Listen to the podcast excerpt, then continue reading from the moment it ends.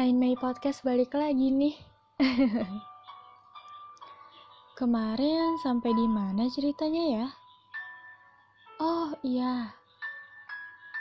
Sampai aku tanya sama semesta, kira-kira kejutan apa lagi yang akan semesta kasih ke aku?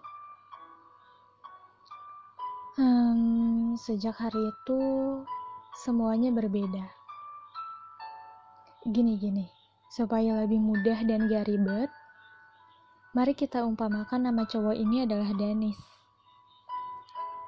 Cuma perumpamaan ya. Dan by the way, aku panggil dia dengan embel-embel Kak. Jadi Kak Danis. so, sejak hari itu, aku ngerasa ada yang berbeda di diri aku. Entah kenapa ada getar yang mulai terselip setiap aku berbincang sama Kak Danis. Aku gak tahu apa yang Kak Danis rasain, karena kelihatannya dia biasa aja. Tapi aku, aku mulai nyariin kalau aku gak lihat dia di kantor. Mulai ada yang kurang kalau gak ada sapaan selamat pagi dari Kak Danis sambil dia ngaca di kaca besar samping pintu ruangan. Uh, ada satu waktu, akhirnya kita saling tukar ID lain. Seminggu sebelum magang selesai, kita saling tukar ID lain. Senang banget rasanya karena setidaknya saat magang ini berakhir, aku masih bisa keep kontak sama dia nggak lost contact gitu aja. Hmm, waktu itu aku tahu kalau aku punya rasa yang lebih. Tapi aku nggak berani berharap apa-apa. Soalnya kalau dilihat-lihat Kak Danis ini tipe yang memang mudah deket sama perempuan. Jadi aku nggak mau GR atas segala sikapnya ke aku. Sesimpel itu sih. Satu hari sebelum magang berakhir, aku dan yang lain nyiapin sesuatu sebagai salam perpisahan. Setelah kita siapin, kita pulang ke, ke rumah masing-masing. Dan malamnya, aku main truth, uh, bukan truth or dare, aku main dare or dare sama adik aku. Kita sweet dan aku kalah. Mau gak mau, aku harus jalanin dare yang dikasih adekku. Tahu gak sih dare-nya apa? Duh, aku malu banget sebenarnya kalau harus bilang dare-nya apa. Aku juga gak ngerti kenapa adikku, adekku kasih dare kayak gitu. Ah. Oke okay, jadi dare-nya itu adalah prank chat ke orang yang adik aku pilih. Dan adekku lihat chat paling atas itu dari Kak Danis. Dan adekku mau prank chatnya tuh ke Kak Danis Duh, deg-degan banget rasanya. Tapi dari prank itu, aku jadi sedikit menebak kalau kayaknya Kak Danis punya rasa yang sama sama aku. Pede banget gak sih? Isi prank chatnya kurang lebih kayak gini. Aku chat dia, Kak. Terus dia balas, Ya, kenapa? Terus aku mulai prank chatnya. Aku balas dengan kayak gini. Setiap di dekatmu, hatiku meresah. Sesaat di sampingmu, seakan kau milikku.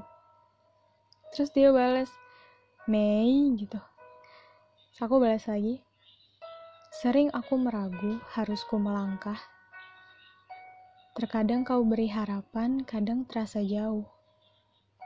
Terus dia balas, Duh, kamu kok curang sih balasnya pakai sajak gitu? Aku gak tanggepin, aku balas lagi. Kusadari aku tak seharusnya terbawa perasaan. Dan aku mencintaimu, sungguh-sungguh tanpa kau tahu. Tersimpan di dalam hatiku. Terus dia balas, Hey, aku mau peluk boleh gak? Aku speechless. Aku speechless baca balasan dia. Antara senang dan takut sih. Pertama aku takut dia marah karena aku prank. Tapi senang baca balasan dia yang kayak gitu. dan akhirnya aku memutuskan untuk oke okay, sampai sini aja pranknya. Terus uh, aku balas sebagai penutup pranknya. Selamanya ini jadi rahasia hatiku. Rahasia hatiku kahitna. Pas aku akhiri dengan judul lagu serta penyanyinya dia cuma read chat aku. Lama lumayan lama sampai aku mikir kalau dia beneran marah gara-gara aku prank dan baru aja aku mau chat dia lagi buat minta maaf. Tiba-tiba muncul balasan dia di layar handphone aku. Sebuah voice note. Aku buru-buru buka, aku penasaran banget sama isi voice note-nya. Aku dengerin isi voice note-nya dan isi dari voice note-nya itu ternyata ref dari lirik lagu yang aku prank ke dia. Ya, refnya.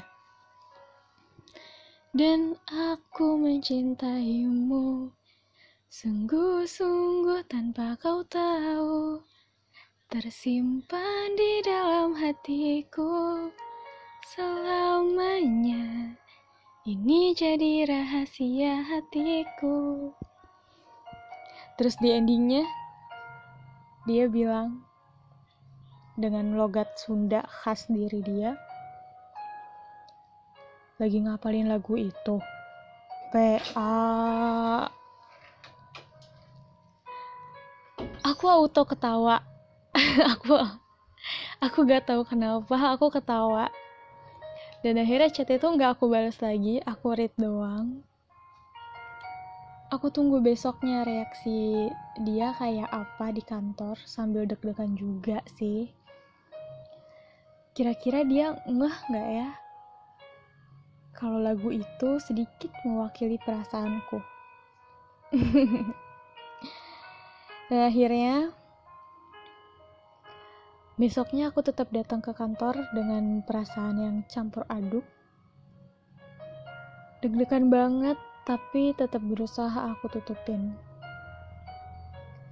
Begitu sampai di kantor, aku lihat dia lagi ngaca sambil pakai pomade di kaca samping pintu. Dia nyapa aku kayak biasa, dengan senyum manis khas dan langsung pipi yang dia punya.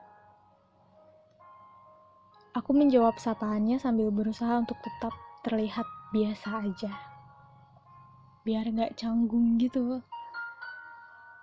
Oke, aman dalam hatiku. Um, hari itu baru aja aku ngerasa seneng Tiba-tiba, tumben-tumbenan, ada satu teman magang aku yang bersikap berbeda ke, kada, ke Kadanis.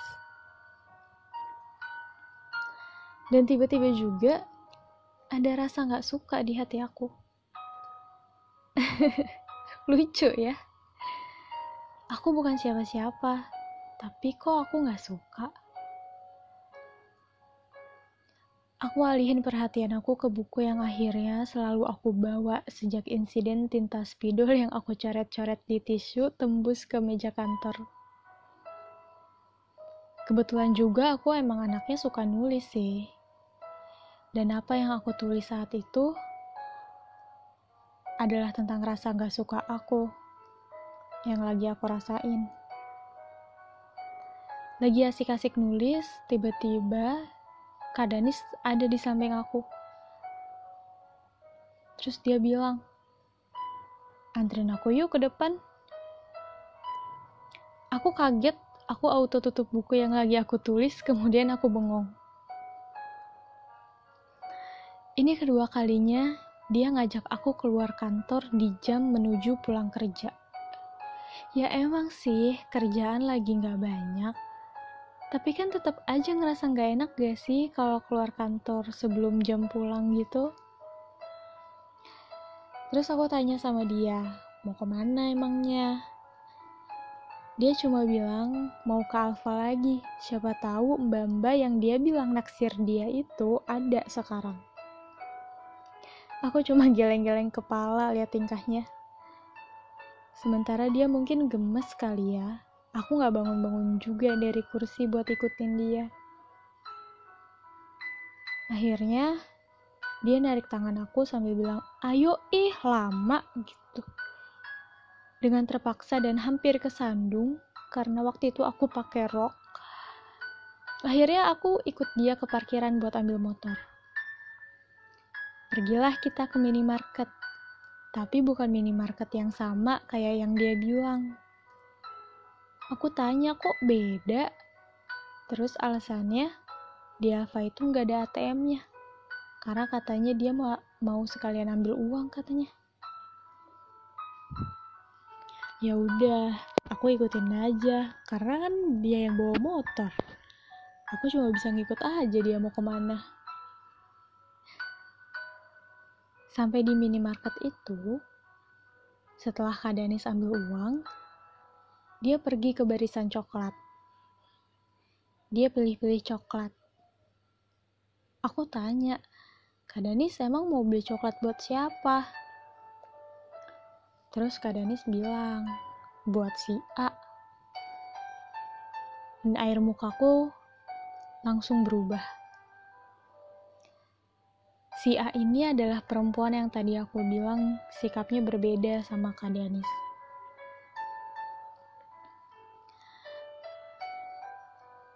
Aku gak bisa menyembunyikan kalau aku ada rasa kesel. Dan gak lama Kak Danis lanjutin. Gue udah janji sama dia, eh mau beliin coklat. Dia bilang mau yang Cadbury. Yang varian apa ya? Bantu pilihin dong. Karena aku kesel, jadi aku asal nunjuk coklat Cadbury yang ada di rak itu. Dan dia ambil, Kak ambil coklat yang aku tunjuk. Terus dia juga ambil coklat dengan ukuran yang lebih besar dan rasa varian yang berbeda. dia tanya sama aku, Mau nggak yang ini? Aku cuma ngangkat alis dan sedetik kemudian aku menggeleng. Tapi dia tetap ambil coklat itu. Aku pikir ya mungkin buat si cewek A kali. Tapi pas di kasir, tiba-tiba dia juga ngambil 8 coklat Silver Queen. Dalam hati aku bingung. Dia kok banyak banget sih mau ngasih coklatnya? Nah, abis itu baliklah kita ke kantor. Sampai kantor udah jam 5 kurang 15. Udah 15 menit lagi pulang. Aku buru-buru samperin sahabat aku buat nyiapin kue perpisahan yang udah kita siapin sebelumnya. Pas jam pulang kantor, kita bareng-bareng kasih kue itu ke tim yang selama ini udah ngebimbing kita jadi uh, ngebimbing kita magang di sana dan jadi kakak kita selama di sana. Menurut aku ini adalah magang terfun yang pernah aku alamin. Um, abis kasih kue, Kak Danis ngeluarin plastik yang dari minimarket tadi terus dia keluarin coklat yang ada di dalam plastik itu dan dia bagi-bagiin coklat itu satu-satu ke setiap anak magang. 8 coklat silver queen udah dibagiin. Dan di situ aku baru ngeh oh ternyata dia juga beliin buat anak magang yang lain. Coklat ke 9 dia kasih ke cewek aku bisa lihat dari air mukanya si A kalau dia senang banget dapat coklat yang berbeda. Dan lagi-lagi entah kenapa ada rasa gak suka di hati aku. Aku ngalihin pandangan aku.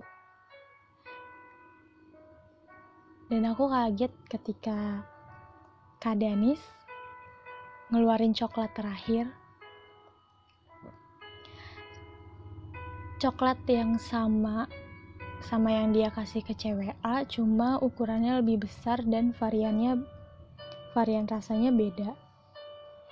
Dia kasih coklat itu ke aku. Aku bengong.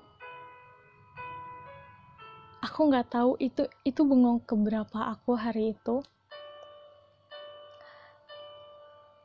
Terus aku senyum sambil menerima coklat itu dan belum selesai aku senyum sambil bilang makasih. Tiba-tiba Kak Danis itu ngusap-ngusap kepala aku.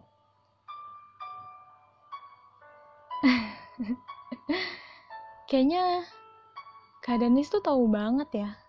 Cewek tuh lemah deh kalau kalau udah diusap-usap kepalanya gitu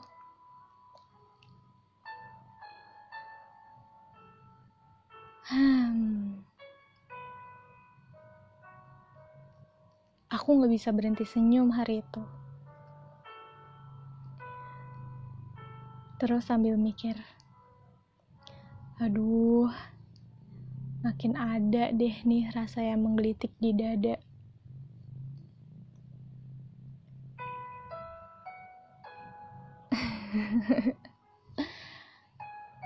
Sebenarnya ada ada satu momen sebelum magang itu sebelum kita semua pulang dari kantor di hari terakhir magang itu. Tapi momen itu mungkin akan aku ceritain di podcast selanjutnya. Jadi untuk episode kali ini sampai sini ceritanya. Karena cerita ini harus bersambung. Terima kasih untuk kalian yang sudah mendengarkan. Tunggu lanjutannya di episode sel selanjutnya. Dan sampai ketemu lagi. Bye bye.